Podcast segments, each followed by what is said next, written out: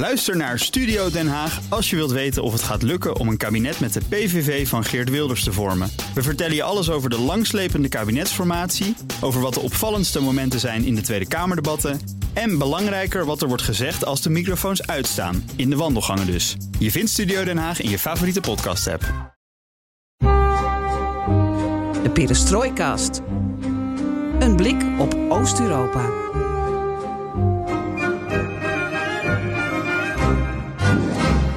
Welkom bij BNR Perestrooikast, aflevering 149 van de enige podcast van Nederland die volledig oog voor het oosten geeft en heeft.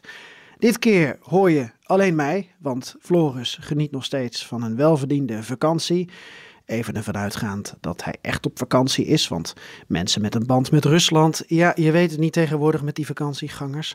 Maar zonder dolle, ik heb twee geweldige gasten, Koen Verhelst en Catharine Hartgers. We moeten het namelijk hebben over hoe Letland worstelt met Rusland, met Russen, met Russisch-taligen. En eigenlijk ook met het eigen verleden. En dat komt allemaal tot uiting bij de verkiezingen komende zaterdag. De oorlog in Oekraïne, de Russische oorlog daar, die speelt een enorme rol. De dreiging ook. En daar gaan we over praten. En dat doen we ook in een Twitter Spaces. Vandaar dat de geluidskwaliteit soms een beetje wisselt. Want wij kunnen dus nu live mensen laten meeluisteren en vragen laten stellen. En uh, en Koen die, uh, ja, gaan daar dan proberen antwoord op te geven.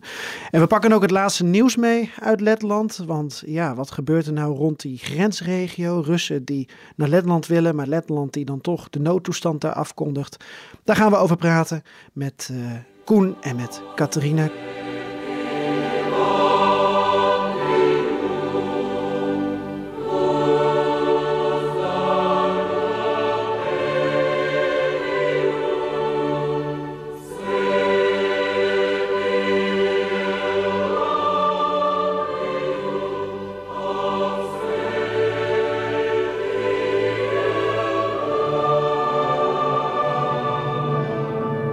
Het, alles ten oosten van de rivier de Elbe kan de komende weken, maanden besproken worden in onze podcast. En wat leuk is, is dat we heel sociaal en democratisch zijn.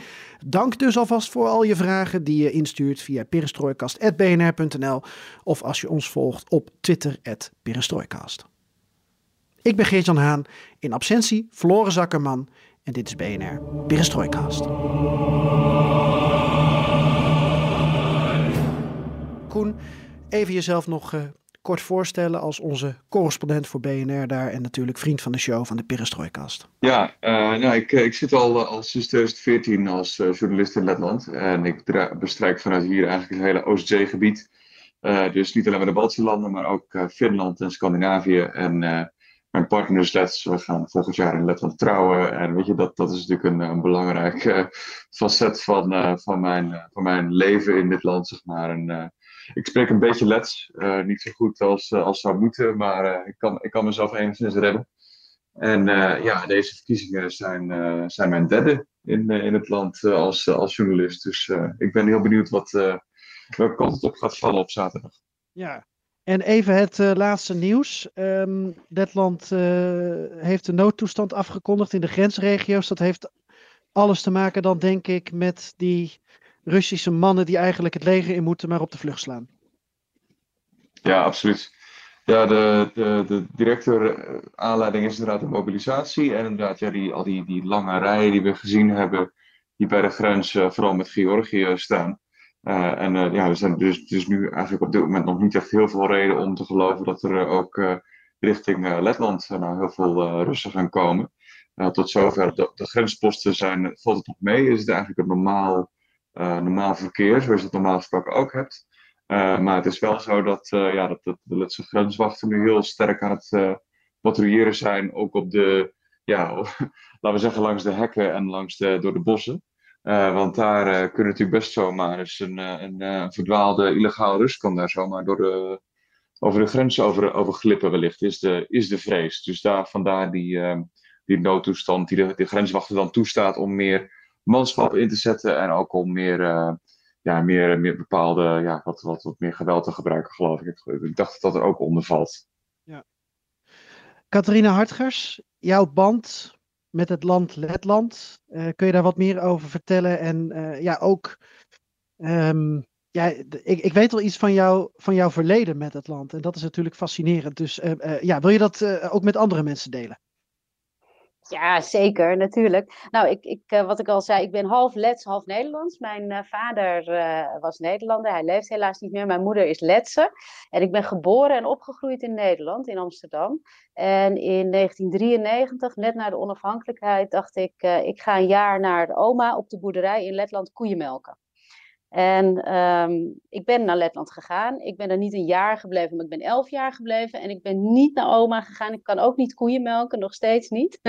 maar een ontzettende leuke tijd daar gehad met uh, allerlei uh, uh, activiteiten. Waaronder dat ik gewerkt heb op de Nederlandse ambassade in Riga. Maar ik heb daar ook een eigen bedrijf, eigen uitgeverij, drukkerij, vertaalbureau.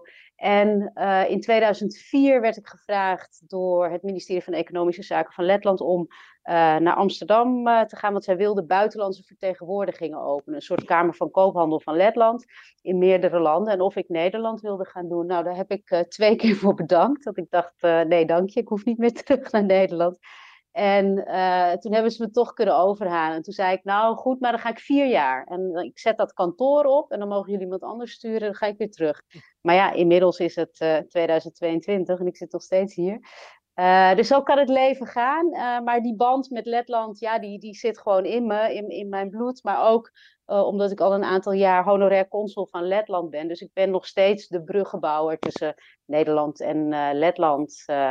ook, ook in het professionele netwerk waar ik actief ben. probeer ik ook altijd ondernemers aan elkaar te koppelen uit Nederland ja, en Letland. Wat betekent dat precies als je honorair consul bent? Wat doe je dan? Dat betekent dat ik uh, nauw samenwerk met de ambassade van Letland in Den Haag en met de Kamer van Koophandel van Letland hier in Amsterdam.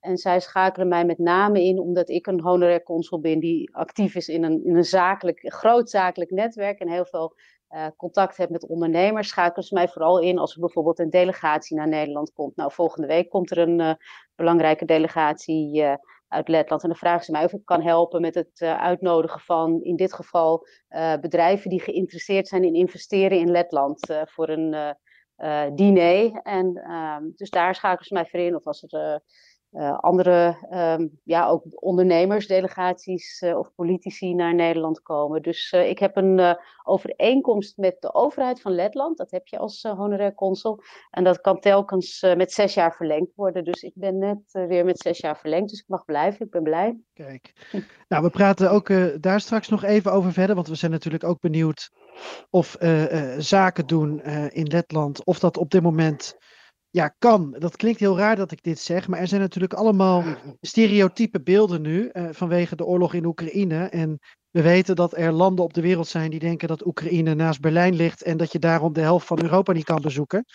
Dus uh, mm-hmm. komen we zo nog even over te spreken, maar sluit uh, vooral aan en breek vooral in bij het gesprek dat we nu dan ook gaan hebben over de verkiezingen. Ben ik heel benieuwd naar hoe je daarnaar ja. kijkt.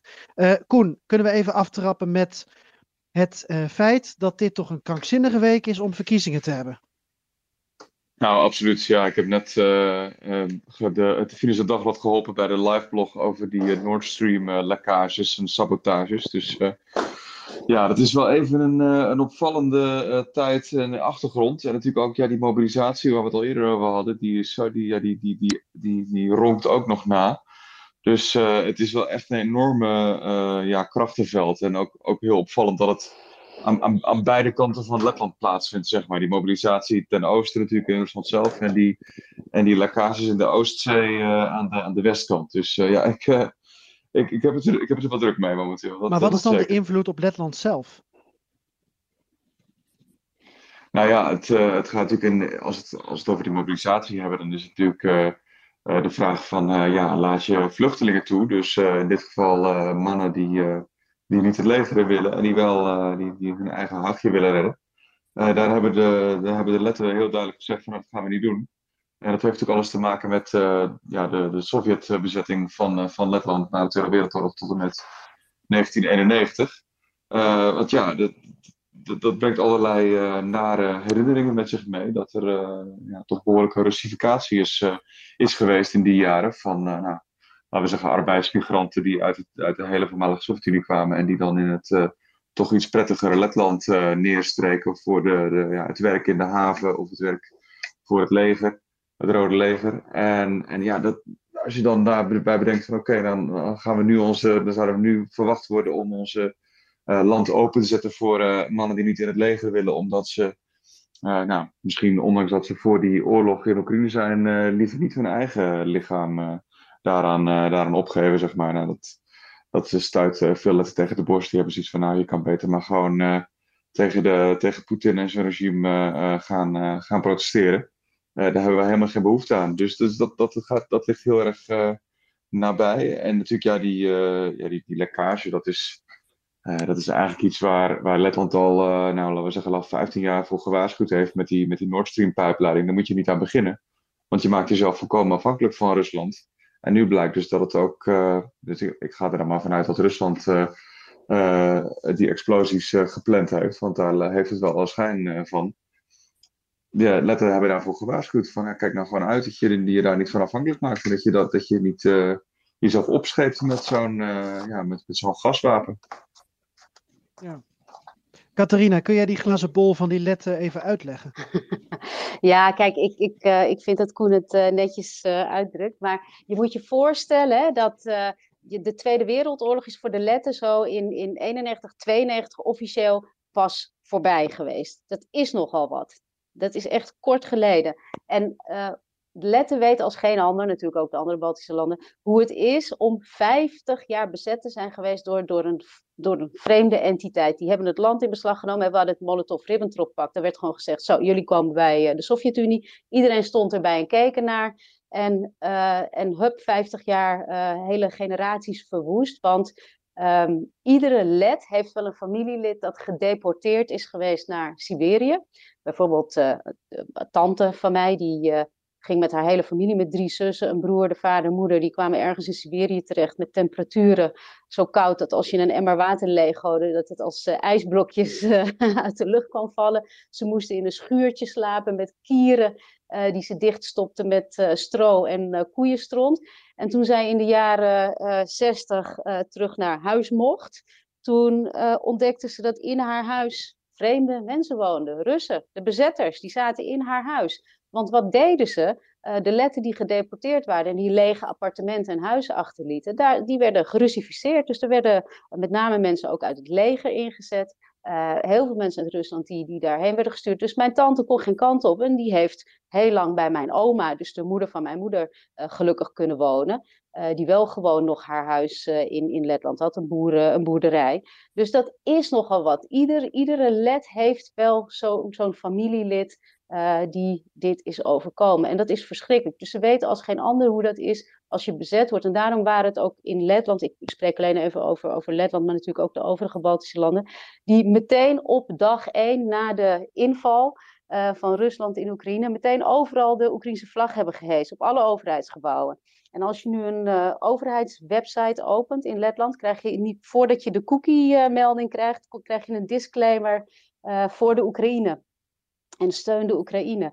En zij zijn daar heel fel in. En vooral de minister van Buitenlandse Zaken van uh, Letland, Edgar Rinkevich, die is daar ontzettend duidelijk in over zijn standpunten. Dus dat, uh, uh, jij noemde al, wat gaat hij doen met de verkiezingen? In de vorige verkiezingsronde was als grote winnaar de Harmony-partij, die pro-Russische partij, die kwam als winnaar uit de bus. Maar ik zat eens naar die poll van Politico te kijken en daar zie ik dat die partij van de minister van Buitenlandse Zaken uh, de, als grootste partij nu wordt aangegeven.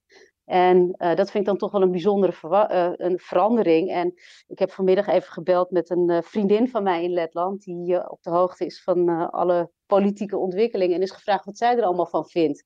En zij zegt, ja, zij zou ook wel willen stemmen op die minister van Buitenlandse Zaken, op Rinkevich, want die is van die uh, New Unity-partij. Maar ze zegt, er zitten er ook twee in, die uh, mag ik niet. Dus vandaar dat dat mij daarvan weerhoudt. En ze zegt, dat is vaak wat onduidelijk is onder de letten. Ze kijken naar een, naar een partij waar ze dan mogelijk één politicus zien... waarvan ze denken, nou die vinden we goed. Maar dan de rest niet aansluit bij, bij, bij hun smaak. dus dus dat, dat, dat speelt er nu. Maar de meeste mensen zijn toch wel voor het beleid dat nu uh, gevoerd wordt. En uh, met name voor de minister van Buitenlandse Zaken.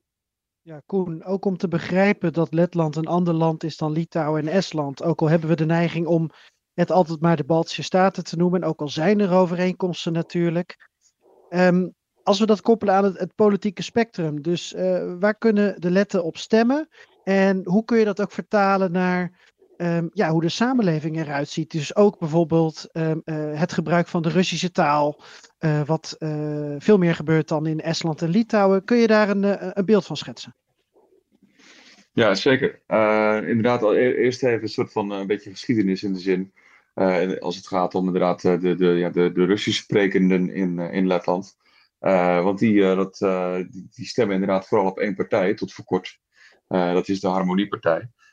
En dat was eigenlijk, ja, dat, dat leidde eigenlijk de laatste paar stembusgangen, zo vanaf 2010, was het eigenlijk een, een tweedeling op, op, op taalbasis. Dus je had één partij die, die, die vergaarde alle, alle Russisch sprekende stemmen.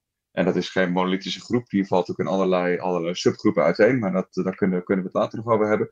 Uh, en dan heb je een aantal andere partijen die dan meer zeg maar, op, de, ja, op, de, op, de, op de Letse bevolking zich uh, richten. En inderdaad, uh, de, de, nieuwe eenheid, de partij van zowel de premier als de, de minister van Buitenlandse Zaken, die, die staat nu bovenaan in de peilingen. Terwijl het bij de vorige verkiezingen waren zij juist de allerkleinste. dus dat is wel opvallend. En het, het ja, tegelijkertijd aan deze verkiezingen, wat echt wel nieuw is, is dat je um, toch wel een, soort van kentering ziet in die tweedeling van de taal. Want er is nu één partij die, die gaat wel door de, door de kiesdrempel komen, een kiesdrempel van 5%. Dat zijn de progressieven. En die zijn heel nadrukkelijk bezig om juist niet met die taaldivisie bezig te zijn. Ze zeggen wel heel duidelijk van oké, okay, er moet één, één, één, één staatstaal zijn, één officiële taal, dat is het les. Het Russisch heeft geen, uh, geen plek uh, hier, ook niet in het onderwijs. Uh, maar we willen bijvoorbeeld ook niet, we hebben op onze kandidatenlijst zetten we niet erachter welke, welke achtergrond onze kandidaten hebben. dus nou, er zijn allerlei lijsttrekkers die hebben dan een, een, een Russisch klinkende achternaam. En die, zijn dan vaak ook, die hebben dan vaak ook een Russische achtergrond qua, qua moedertaal. Maar ja, die zijn vaak ook gewoon Letse staatsburger. Dus dan weet je, dat, en dat, daarmee proberen ze te doorbreken dat het uh, alleen maar om die taalkwestie gaat. En, uh, en dat het, ja, dat, proberen ze juist ook de, de wat meer uh, ja, echt, echte onderwerpen in, de, in het debat te zetten, zoals geregistreerd partnerschap voor mensen van hetzelfde geslacht of een, een betere verzorgings, verzorgingsstaat. En dat soort onderwerpen. Dus, en dat zie je nu ook langzaam bij de partijen die eigenlijk vroeger in die beide kampen zaten, zie je dat ook ontstaan. Dus dat er een aantal partijen zijn die nu uh, kandidaten van, van beide kanten van de taaldivisie op hun kandidatenlijst hebben. Dus het begint een beetje meer uh, te vermengen, zou je kunnen zeggen. En nog even over die, uh, inderdaad, over die Russisch sprekende minderheid. zoals ik al zei, die valt dus in meerdere delen uiteen. Je hebt een groep die spreekt Russisch, maar die heeft een Lets paspoort en die mag stemmen. Dat zijn ongeveer 300.000 mensen, 340.000. en dan heb je nog een groep, een hele kleine groep Russische staatsburgers, die mogen niet stemmen. En dan heb je nog een, uh, een iets grotere groep, er zit daartussenin, ook juridisch gezien, dat zijn de niet-burgers, die mogen niet stemmen, maar die zijn wel, ja, zijn wel inwoners van Letland en die zijn ook wel eigenlijk wel een soort van burgers van Letland, dus die mogen gewoon ook een, bedrijf hebben en zo, dat maakt allemaal niet, dat is allemaal prima, maar die mogen niet stemmen. die mogen zich ook bijvoorbeeld in de andere Europese landen vestigen. En die kunnen door een naturalisatieproces kunnen zij Lets staatsburger worden en dan kunnen ze ook stemmen. Uh, dus dat, nou goed, dat is wel een heel, heel, heel unieke uh, klasse van, van uh, burgers. En het Kremlin mag dat graag gebruiken om, om aan te halen dat Letland deze mensen zou discrimineren. maar ze houden dat zelf in stand door, door bijvoorbeeld visumvrij reizen toe te staan voor deze mensen naar Rusland. Zodat zij geen, eigenlijk, minder aantrekkingskracht hebben tot dat Letse paspoort. maar deze groepen, die, dus, laten we zeggen, die, die, die, de, de Russisch sprekende Letse staatsburgers, die begint een beetje te verbrokkelen. Want die harmoniepartij inderdaad, die, die klapt helemaal in elkaar momenteel. Die stond op 20% in de vorige verkiezingen, staat nu nog op 8%. En een radicalere partij, die echt veel meer richting het Kremlin schurkt, die zou wel eens de kiesdrempel kunnen gaan halen. Dus dat is wel iets waar de letters zich behoorlijk zorgen over maken. Want dit is toch echt wel een beetje een, een partij van een stel engers die met allerlei propaganda meelopen en zo. Dus dat, dat willen ze natuurlijk liever niet dat die uh, in het, weer in het parlement komen. Wat is op dit moment uh, aanneembaar als uh, coalitie? Aannemelijk? Nou, dat, Ja, dat zal in elk geval de, de, de, zonder de, de partij van de premier, die, die nieuwe eenheid, eigenlijk een soort van VVD-achtige partij zit ook in, de Europese, in het Europese parlement met de VVD in, de, in dezelfde partij. die, die, die, zal er sowieso in moeten zitten, want die, die stevenen af op meer dan 20 procent. Meer dan het dubbele van de volgende partij. En de premier, Christianis Karinc, heeft ook al gezegd van ik wil eigenlijk door met de, met de huidige coalitie. Het probleem is alleen dat een van de populistische partijen die vorige keer uh, in die coalitie kwam, dat die uh, er uh, waarschijnlijk niet in het parlement gaat komen vanwege allerlei grillige redenen. En een conservatieve partij, die gaat er waarschijnlijk ook niet. Die, die zit ook net op het, op het vinkertouw of die het gaan halen. dus het, ja, we moeten gewoon echt de uitslag afwachten. Maar in elk geval heeft de nieuwe eenheid gezegd van nou, we gaan niet samenwerken met, met een, met een pro-Russische partij. Dus niet met de Harmoniepartij en ook niet met die, met die, met die radicalere partij die ik al noemde, de, de, de, de Russische Unie van Letland. Ehm, dus ja, ze, ze hebben al wat de nodige partijen wel uitgesloten. en de vraag zal zijn of er dus inderdaad genoeg ruimte zal zijn met alle partijen op rechts om daar een, een coalitie mee te gaan bouwen. Ja. En een vraag die ik zo ook aan Catharina wil stellen, maar waar jij misschien een voorzetje bij kan geven, Koen. In hoeverre staat het afstand nemen van het verleden op de agenda? Want we zagen een paar weken geleden uh, zo'n gigantisch monument van, wat was het, 80 meter hoog, dat werd neergehaald.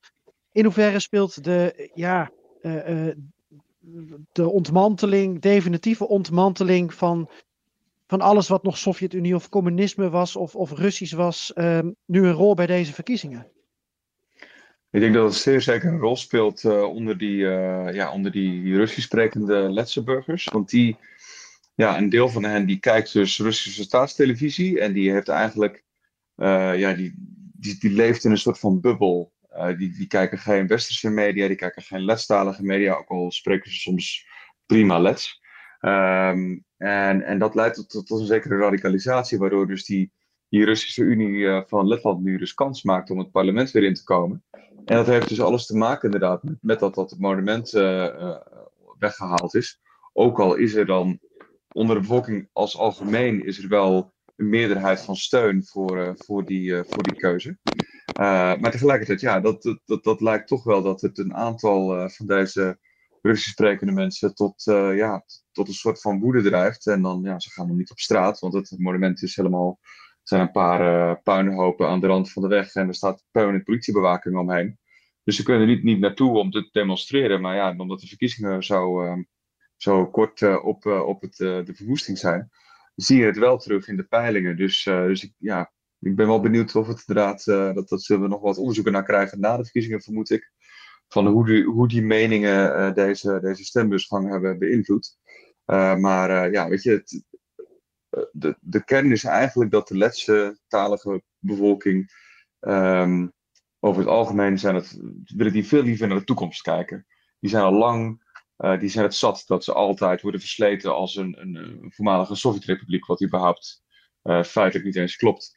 Um, en die willen heel graag gewoon doorgaan met waar ze mee bezig zijn. En ook gaan, nou weet ik wel, uh, heel, heel, heel innovatief bezig zijn als het gaat om, om, om uh, uh, internetbedrijven, om, om fintech en noem het allemaal op. Dus je, je, merkt gewoon heel erg dat het, in tegenstelling tot Rusland, dat Letland een heel erg toekomstgericht land is, wat echt zichzelf wil, wil verbeteren. En wat, wat, ja, wat ook gewoon prettiger om te leven wil worden en zo. Noem het maar op. En dat, ja, ik denk dat deze verkiezingen echt wel een soort van tweestrijd zijn daartussen. En dat je dan een heel klein deel van de, van de samenleving hebt die zich daar toch wel tegen afzet. En dan inderdaad het verwoesten van het monument een beetje als een soort van uh, stok om de hond mee te slaan uh, gebruikt. Ja, Catharina, wat deed dat met jou toen dat vrijheidsmonument in, in Riga, want daar hebben we het over toch? Of haal ik ze nu door elkaar? Uh, nee, niet het vrij, als je, alsjeblieft niet het vrijheidsmonument. Zie, ik haal ze door elkaar, daarom heb ik nee. experts nodig. Sorry jongens. ja, oei, oei, oei, oei, Nee, nee, nee, die niet, die niet. Die, die zal al, dat is de trots, trots van alle letteren. Nee, het ging hier om een monument van de, uh, van de overwinning van de Sovjets op de nazi's. Het, dus uh, dan moet je, moet je maar voorstellen. Precies, precies. Moet je je mij even voorstellen wat voor monument het is. En als je dan gedeporteerd bent geweest en het hebt overleefd en je ziet dat monument dag in dag uit, dan denk ik dat je daar uh, wel een mening over zou kunnen hebben. Maar ik ben het eens met wat Koen zegt, want de jongere uh, generatie die kijkt vooral vooruit. De ondernemers die willen gewoon vooruit. Die willen niet altijd uh, voormalig Sovjet-republiek zijn. Zijn ze ook niet. Letland was vroeger een heel welvarend land in een onafhankelijke tijd in 1918. En uh, dus dus die, willen, die willen daar niet aan denken. Maar vergeten moeten we nooit. En daarom heb je in Letland heel belangrijk het bezettingsmuseum.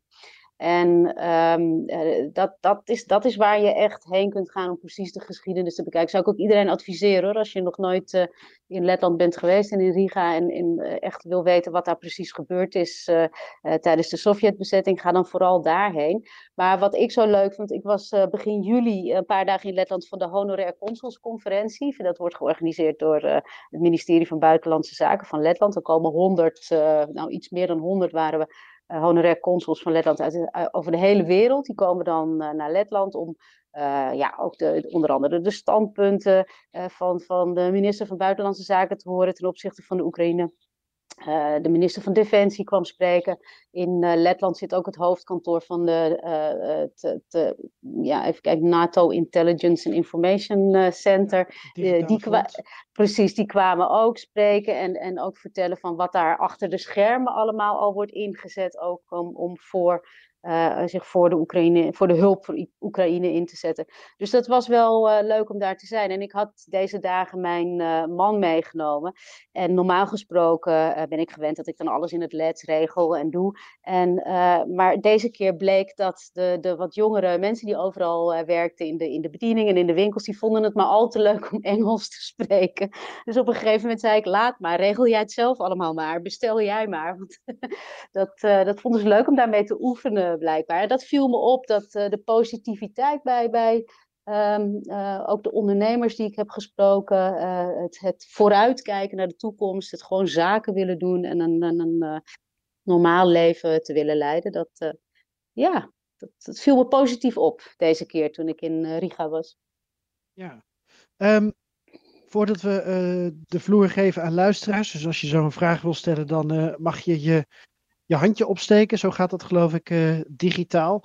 Um, wil ik nog even aan jou vragen, Catharina, iets wat je uh, uh, vooraf tegen mij zei. Namelijk, toen jij voor het eerst in Letland kwam, ja. om daar een jaar lang koeien te melken, wat je niet hebt gedaan. Toen was net de Tweede Wereldoorlog afgelopen. Ja, dat zei je tegen mij. Ja, voor de letter wel officieel, want ze waren net pas bevrijd van de Sovjet-Unie. Dus uh, ja, ik ging daarheen. Ik ging, uh, uh, nou, ik was begin twintig en ik had 500 gulden gespaard. En ik ging met twee grote tassen met de trein van Amsterdam naar Riga. Dat was een reis van 36 uur. En ik was dus op weg naar oma. Nou, onderweg is, is ontzettend veel gebeurd en waardoor ik in Riga ben gebleven. En ik sprak de taal niet volledig. Ik had een paar woordjes geleerd van, van mijn moeder, maar ik had niet goed Lets geleerd. Dus hoe ik het heb geleerd is dat ik uh, naar de winkel ging en dan wees ik aan wat ik wilde kopen. En dan uh, ze, dan zeiden ze hoe, dat, hoe je dat uitspreekt. Dan sprak ik het uit. En zo heb ik uiteindelijk Lets geleerd op zo'n niveau dat ik voor de overheid van Letland kon werken. Dus het, het, het is te doen en het is ook heel handig als niemand wat anders spreekt. Maar dat was tegelijkertijd ook wel uh, eventjes schrikken voor mij. Want dan uh, was ik in de winkel en dan spraken mensen Russisch tegen mij. Want uh, ja, de, de Russische minderheid is in Riga de meerderheid. Of tenminste was, het zal nu iets minder geworden zijn. Maar toen was dat zo. Dus ik werd heel vaak uitgescholden voor fascist. Omdat ik geen Russisch wilde spreken. En het enige wat ik kon doen om mij te verdedigen is om terug te antwoorden in het Nederlands. Zodat zij begrepen, ah oké, okay, zo zit het. Maar dan moet je je maar eens voorstellen, als ik, let, als ik echt let was geweest en ik wilde mijn eigen taal spreken en niet de taal van de bezetter. Ja, dan word je gewoon uitgescholden. Tenminste toen, hè, nu niet. Maar, uh, dus dat, dat, nou, die houding, verschrikkelijk. Ja, dat, dat uh, was niet fijn om mee te maken. Wel bijzonder, denk ik. Um, ook al is het niet, uh, niet fijn. Um, nee, nee. Hebben we al luisteraars die vragen willen stellen? Of uh, uh, korte opmerkingen kunnen maken? Want van harte welkom. Ik zie nog geen handjes. Um, ik ga dan denk ik toch al even uh, zelf de uh, bekende knuppel in het hoenderhok gooien. Want ik denk dat wat echt on top of mind is nu bij mensen in, uh, in goed Nederlands, in, het, in, het, in het topje van je geheugen. Um, en daar gaan we zo over spreken. Ik wil het zo even hebben over um, ja, waar komt die hele felle opstelling van een land als Letland in de EU nou vandaan? En waarom kunnen we eigenlijk ook niet met de letter praten over of je Russische vluchtelingen wil opnemen of niet? Ehm, hebben jullie ook de indruk dat het uh, dat er vanuit de Europese Unie meer naar een land als Letland wordt geluisterd. Nou, daar gaan we zo over praten, want ik zie dat Marcel een verzoek heeft ingediend om mee te praten. En dan ga ik Marcel even goedkeuren. Even kijken, dan denk ik dat Marcel, die moet zijn microfoon aanzetten. Ja, hallo Marcel, goedenavond. Hallo, goedenavond. Kun je me horen? Zeker, luid en duidelijk. Waar bel je vandaan? Ehm, ja, ik uh, woon en werk uh, zelf in Riga als Nederlander. Um, helaas spreek ik niet vloeiend Lets. Um, ik spreek wel enigszins Russisch helaas, maar dat mag ik niet te hard zeggen natuurlijk. los daarvan, ik, uh, ik woon ook nog achter de plek waar het monument ooit stond. dus ik heb eigenlijk van, letterlijk van dichtbij mogen meekrijgen wat er gebeurde met het monument. Um, ik ben overigens uh, best wel opgelucht dat het monument weg is, want het was naar mijn bescheiden mening uh, ja, veruit het meest afgrijzelijke Sovjet-monument dat ik ooit ben tegengekomen. maar dat is een persoonlijke noot. Um, even een klein dingetje, Catharina. Um, wat ja. jij, waar jij op doelde, op die NAVO, uh, dat Intel. Voor, ik denk dat jij ja. doelt op het Stratcom Center of Excellence. Ja, precies, dat is het. Ja, ja, ja. Ik was even de, de officiële lange titel kwijt. En um, ja, voor de rest, ik, ik kijk heel erg uit naar het weekend. Ik ben getrouwd met een letse. Um, dus ik, uh, ah. ik ga zeker meekijken hoe het gaat uh, om hier te stemmen. Um, maar wat ik heel erg uh, verschillend vind, is de perceptie van bijvoorbeeld een dreiging. Is in Letland ja, gewoon bijna 180 graden anders dan in Nederland. En ik, ik begrijp als Nederlander heel goed waarom uh, de westerse landen uh, heel heftig reageren op onder andere het Letse uh, standpunt. Want eigenlijk is het gewoon de Baltische Staten en Polen tegen de rest. Um, dus ja, ik ben eigenlijk benieuwd um, of eigenlijk het Westen, um, hoe dat in het Westen leeft en of ze um, gaan inzien hoe bijvoorbeeld de Baltische Staten en Polen um, heel erg gewaarschuwd hebben voor eigenlijk alles wat Rusland um, nou ja, recent gedaan heeft. Hè, de oorlog, daar, hebben ze, daar zijn ze al heel lang mee bezig. En ja, misschien Koen en Catharina dat jullie dat beter kunnen duiden dan ik. Maar wat voor mij het grootste probleem in niet alleen de politiek, maar ook in de Letse samenleving helaas is, is de mate van corruptie. En uh, positief, het neemt af. Maar eh, hoe, hoe zien jullie dat met het oog op de toekomst? En dan met name op een, uh, zeg maar een, een, een post-Poetin scenario? Ja, ja, hele hoop vragen. Hartstikke leuk. leuk, leuk om je te ontmoeten. Nou, weet je, jij, jij zei zoiets van, uh, ja, het Westen of, of Letland heeft gewaarschuwd. Dat is ook zo, want Letland heeft de EU gewaarschuwd. In 2004 zijn ze toegetreden. Dat, uh, in 2008 kun je misschien nog herinneren dat uh, de, de Russen Georgië binnenvielen, Zuid-Ossetië en Abhazie. 2014 natuurlijk de Krim. Dus telkens is er gewaarschuwd van, word nou geen vriendjes, word niet afhankelijk van die man, want dat uh, dat kan fout aflopen. Nou, dat is uh, gebeurd. Maar wat zo mooi was tijdens het honorair consulsoverleg, dat um, een van de consuls, ik weet niet meer uit welk land, vroeg aan de minister van Buitenlandse Zaken, als wij met investeerders te maken hebben in onze landen, wat, en zij vragen, is het wel veilig om te investeren in Letland? Wat moeten wij dan antwoorden? En toen zei de minister, heel mooi. Hij zegt dat hangt af van jullie eigen politi politici.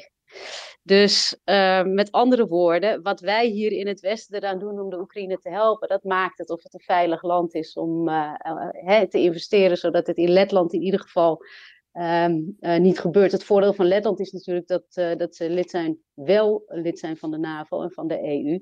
Dus in principe, als Rusland daar zou binnenvallen, dan zou de NAVO moeten helpen. Maar goed, dat moeten we nog zien of dat, of dat dan daadwerkelijk gebeurt.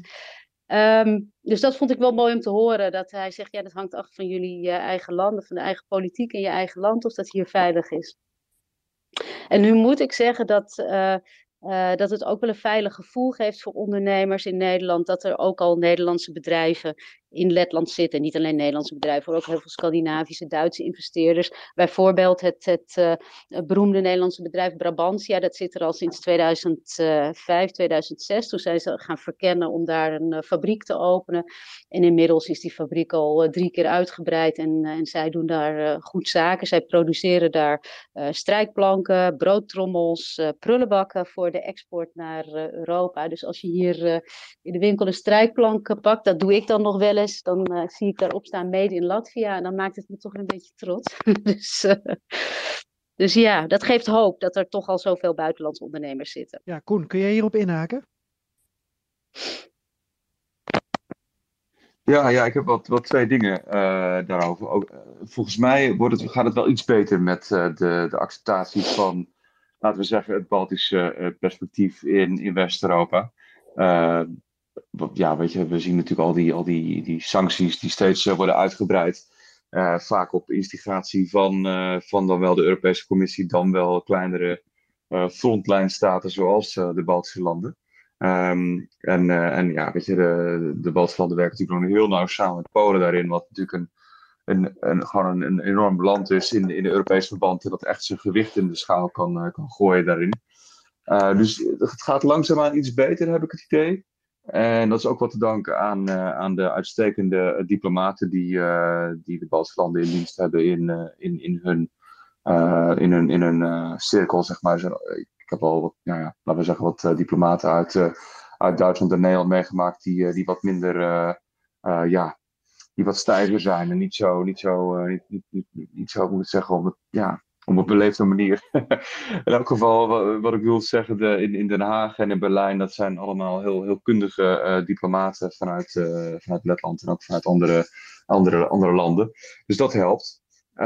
tegelijkertijd, wat, wat minder bekend is, en dat, dan gaat het misschien een beetje richting de corruptie waar Marcel het over had. Letland heeft ook wel degelijke problemen als het gaat om gasimport.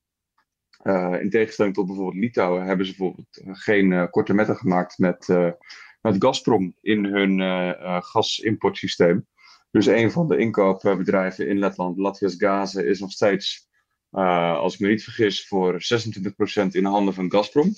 wat natuurlijk tot allerlei onvervelende belangen, belangenverstrengelingen leidt. en waar, je ook dus wel een vraagteken kunt bijzetten van nou, waarom, waarom heeft Letland nog niet geïnvesteerd in uh, in uh, offshore uh, windenergie of in zonnepanelen.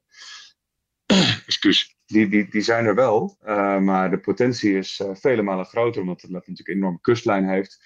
Het, het waait er behoorlijk hard en zelfs, zelfs met zonne-energie kom je een, een heel eind.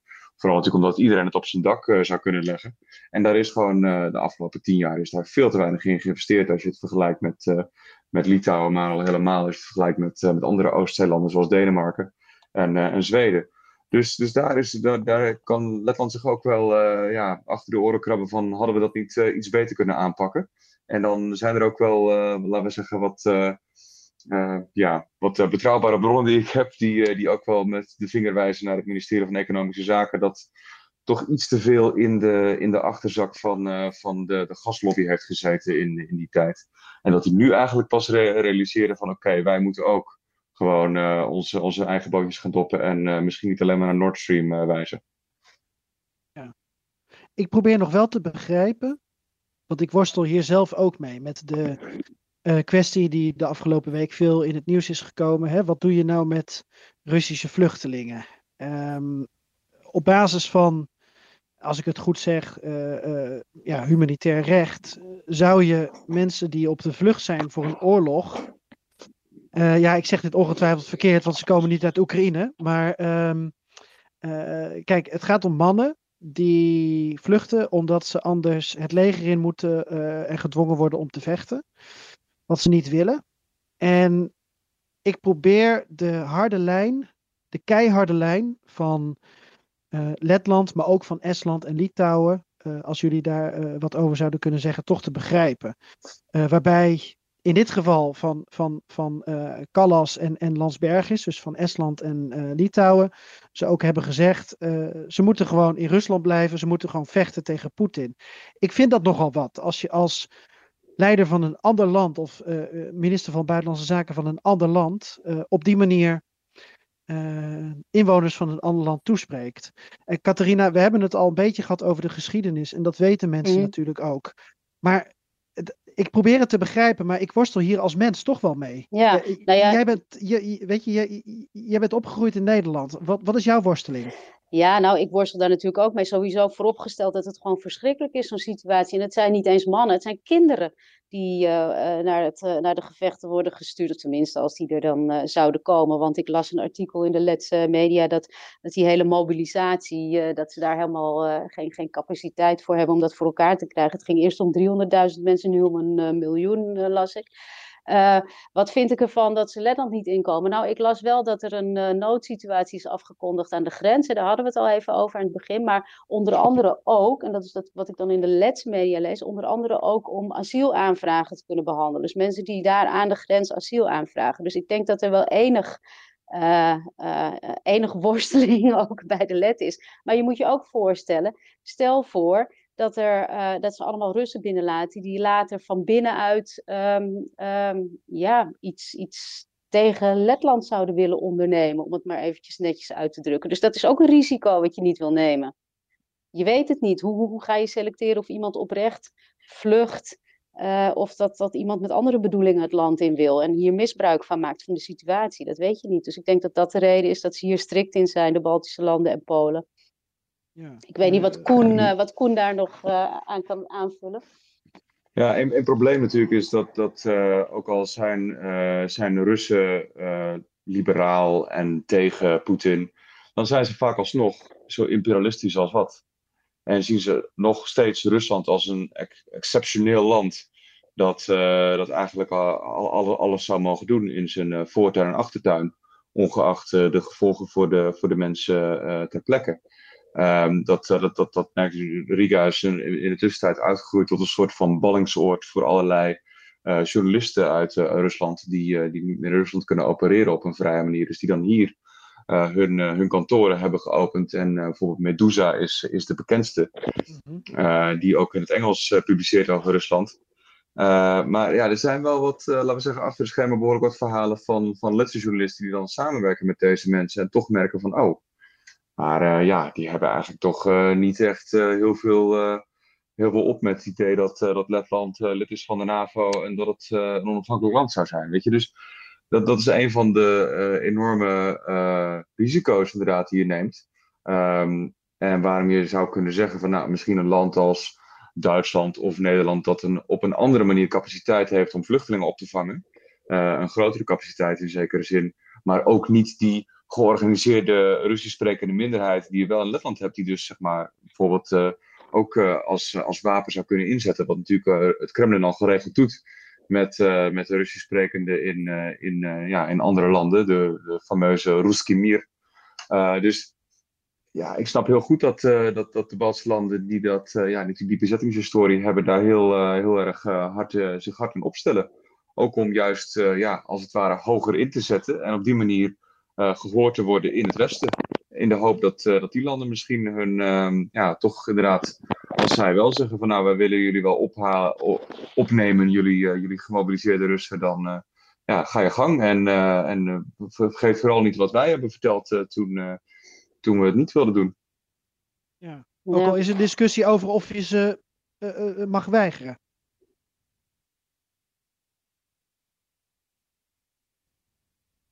Nou ja, er is wel. Uh, ik, ik, las een, uh, een, een, een, statement van een, de Poolse minister. ik, weet niet, ik weet niet welke minister het was uit mijn hoofd. Maar die zei van nou, als je kan bewijzen dat je inderdaad letterlijk gemobiliseerd bent. En dat je die, ja, die oproep naast je neerlegt. En dat je je verzet hebt eerder al tegen de, de oorlog. Dat je nooit met een zetsticker hebt rondgelopen. Of met een Sint-Joris-lintje of dat soort, dat soort uitingen. Dan zouden we misschien je, je aanvraag kunnen honoreren.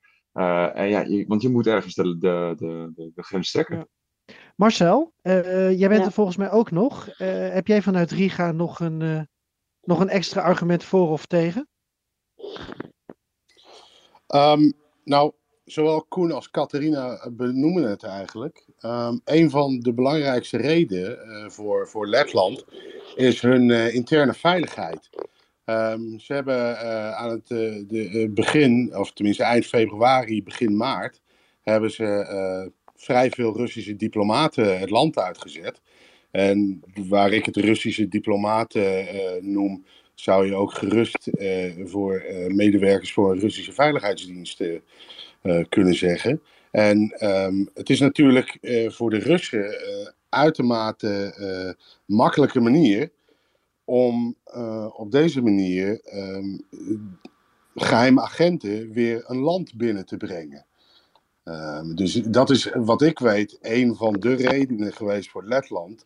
Uh, dat ze gezegd hebben van we gaan het niet doen, want we willen die situatie niet weer hebben.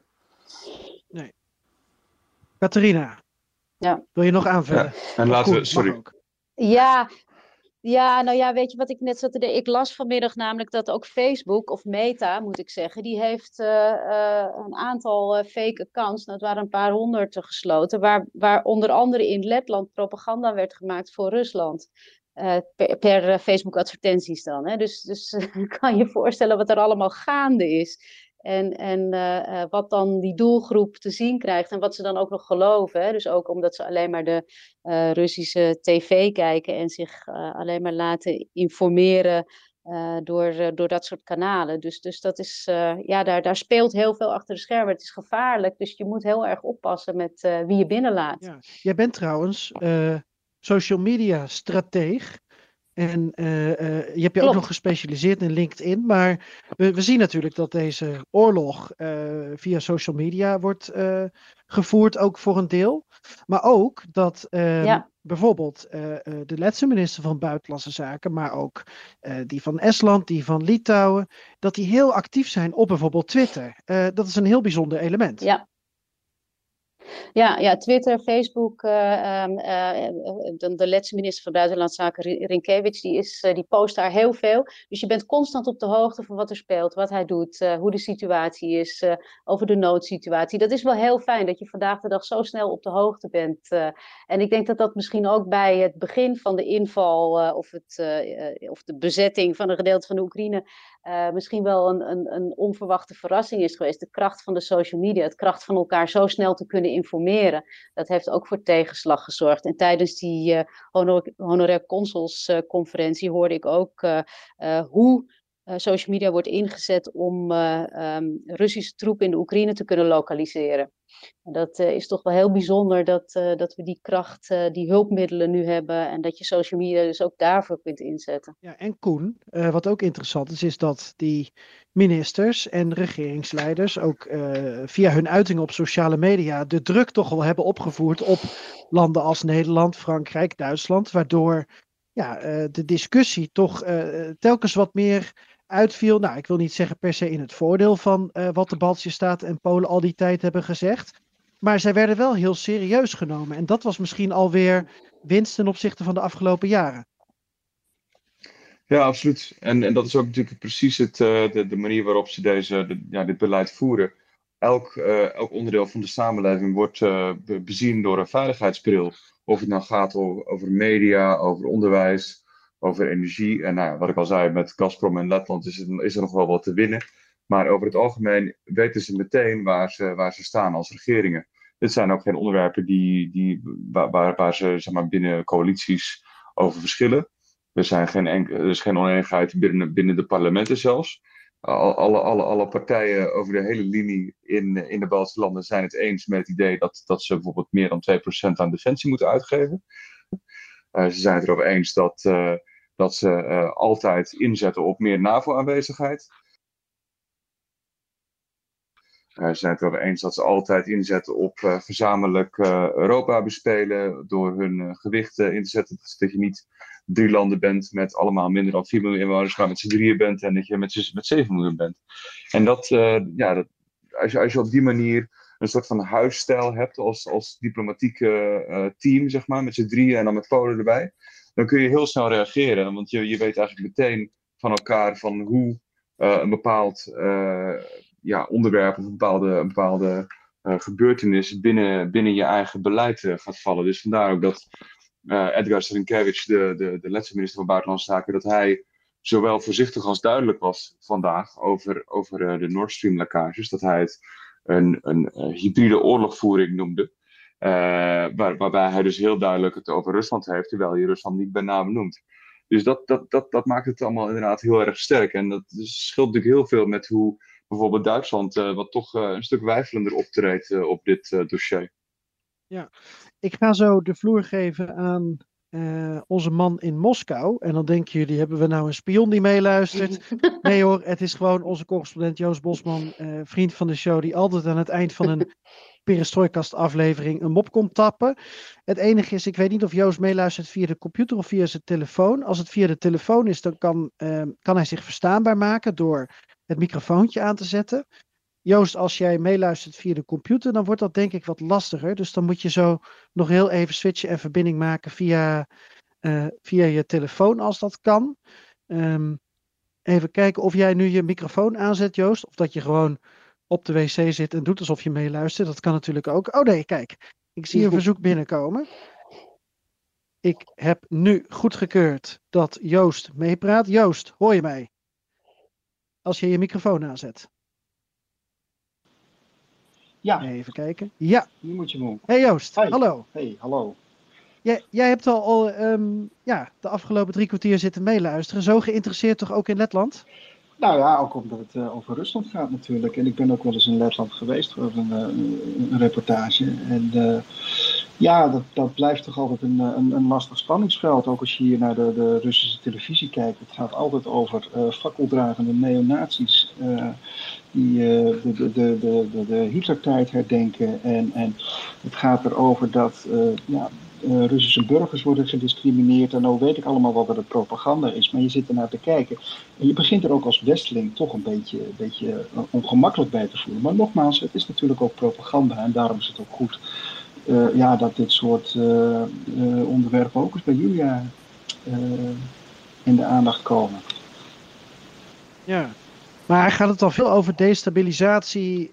of nou ja, daar is propaganda voor bedoeld van, van die Baltische staten? Want in mijn optiek um, ja, zijn ze toch meer bezig met landen als Duitsland. Nou, eigenlijk vooral met Duitsland.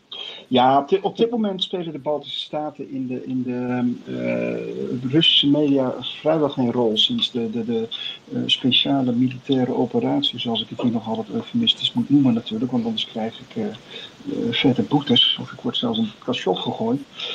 Althans, theoretisch gezien. Uh, maar de, sinds de, de, het conflict in Oekraïne is begonnen, uh, gaat het eigenlijk alleen maar daarover en over uh, West-Europa eigenlijk. De Baltische Staten komen eigenlijk niet zo aan bod. Sowieso niet zo gek vaak waren ze hier op de televisie. Maar als het zo was, dan was het toch altijd. ja, dan ging het over, nou wat ik zei, neonazies, maar ook over journalisten, Russisch-talige journalisten, die, die, die worden gedwarsboomd door de overheid. Mensenrechtenactivisten die, die uh, voor minderheden opkomen, die worden ondervraagd voortdurend door de overheid en weet ik het, door de veiligheidsdienst. Ik weet gewoon niet wat er van is. Het is wat er hier verteld wordt. en ik weet ook dat het propaganda is voor een groot deel natuurlijk. Dus, uh, maar goed, komende zondag uh, zijn de verkiezingen, meen ik. Hè? En dan, dan zal er zeker weer aandacht aan besteed worden. En dat zal niet uh, al te positief zijn. Nee. Als het in de Russische propaganda niet over Letland gaat, dan moeten we ons nu zorgen gaan maken, denk ik. ja. Nou, ik, ik, ik, ik, zie het de laatste maanden niet meer. ik kan me niet herinneren de laatste keer dat over uh, over, over, over de, de, de, de, de, de Baltische Staten ging. Op een gegeven moment waren de verkiezingen, ik denk een jaar geleden, zo kan dat. Ergens, Litouwen, misschien Estland, ik weet het niet meer. Maar goed, nee, als het, als het zondag uh, verkiezingen zijn, dan komen ze zeker aan de beurt. Dat, uh, daar, kun je, daar kun je op rekenen. Zaterdag. Op zaterdag. Zaterdag, Oké, ja. oké. Nee, dan komen er zeker fijne reportages vanuit Letland, ja. Oh, bijzonder trouwens dat de verkiezingen op zaterdag zijn. Ik dacht dat Nederland met woensdag een uitzondering was. En dat uh, alle andere Europese landen vaak voor de zondag kozen. Maar Letland uh, houdt van de zaterdag. Ik geloof dat het juist standaard op 1 oktober is. En niet per se aan een dag vasthangt. Catharina? Ja, volgens mij heeft het met de datum te maken, ja. Ja. Oké. Okay. Nou, dat je, met de, dat je met een frisse wind het najaar ingaat. Zoiets. ja, precies. Dat zal het wel zijn. Een, nou ja, een vestparlement. Ook, ook fris zonder, zonder verwarming, inderdaad. Ja, ja joh. Ehm, Joost, eh, nog heel even voordat we naar jouw, uh, jouw, jouw uitsmijter uh, gaan. Hoe, ehm, hoe gaat het met je? Ik, ik, sprak je afgelopen, je, afgelopen week. je zei dat je een verjaardagsfeestje had gehad. Wat voor, wat voor sfeer hangt daar dan? Nou ja, toch wel gelaten. mensen beseffen ook wel wat er aan de hand is. Kijk, het zijn mensen van in de 50, zoals ik zelf ook. Uh, die zullen niet zo heel snel de kans lopen dat ze worden opgeroepen. Overigens hebben ze allemaal wel uh, in het leger gediend. Dus theoretisch gezien kunnen ze worden opgeroepen. Maar ik geloof dat uh, gewone soldaten tot 35 jaar worden opgeroepen. Onderofficieren tot 45 jaar. En hogere officieren tot 55 jaar. Nou, geen van die allen is kolonel, laat staan generaal geweest in het leger. Dus de kans dat ze worden opgeroepen, ook vanwege het, het feit dat ze in Moskou wonen, is niet zo heel groot.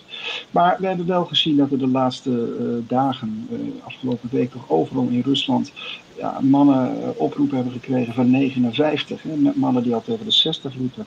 er zijn zelfs invaliden zijn erop geroepen en zelfs zijn er oproepen gestuurd naar mensen die al lang overleden waren. Hè, de dode zieden van, van Gogol. bijna is het. ja. Ehm, dus het is heel chaotisch uh, en daarom ook uh, maakt iedereen zich grote zorgen. Als het nou echt zo was dat gewoon iedereen die al in Syrië had gediend of, of, of in Oost-Oekraïne, weet ik het, uh, die gevechtservaring had gehad, als het echt daarbij was gebleven, dan, dan, dan was de onrust een, een stuk ook wel groot geweest, ook al aanwezig geweest, maar uh, misschien minder. Nu zie je dat omdat het zo, omdat het zo chaotisch gaat en, en iedereen uh, eigenlijk op de schietbaan staat uh, in wezen, iedereen geraakt kan worden met, met een, een oproep, is, is, is de, de, de, de onrust nog extra groot natuurlijk. Ja. Joost, kun je, kun je nog een beetje lachen? En kun je ons laten Ik lachen wel, vooral? Nou, dat hoop ik. Bij jou, bij jou is dat het moeilijk, uh, Geert-Jan. Ja, ik snap nooit jouw moppen, maar we hebben nu bijvoorbeeld Catharina en Marcel. Uh, en dit was eigenlijk al een hele goede grap. Ik zou nu stoppen. Oké, okay, ja, dit was hem, jongens. Uh, goedenavond, Frank. Nou, nee, kom maar door. Ik, ik, ja, op de, op de Russische staatstv gaat het al weken, zo maanden al openlijk over inzet van kernwapens tegen Oekraïne en zelfs tegen het Westen. En ja, misschien hebben jullie het gehoord. De meest bizarre opmerking kwam van uh, Margarita Simonjan, hè, de hoofdredactrice van RT, vroeger uh, Russia Today. En zij zei op een gegeven moment in een van die talkshows: een kernoorlog is niet erg, want alle Russen gaan naar de hemel. In de hemel? Ja, is al leuk, ja. Dit was Ja. Maar nu komt u. In, in de hemel wordt inmiddels koortsach, koortsachtig overlegd over toetreding tot de NAVO. Ik snap hem. Hey, ja. Uitstekend. Ook om mee af te sluiten. was van een Oekraïner deze man.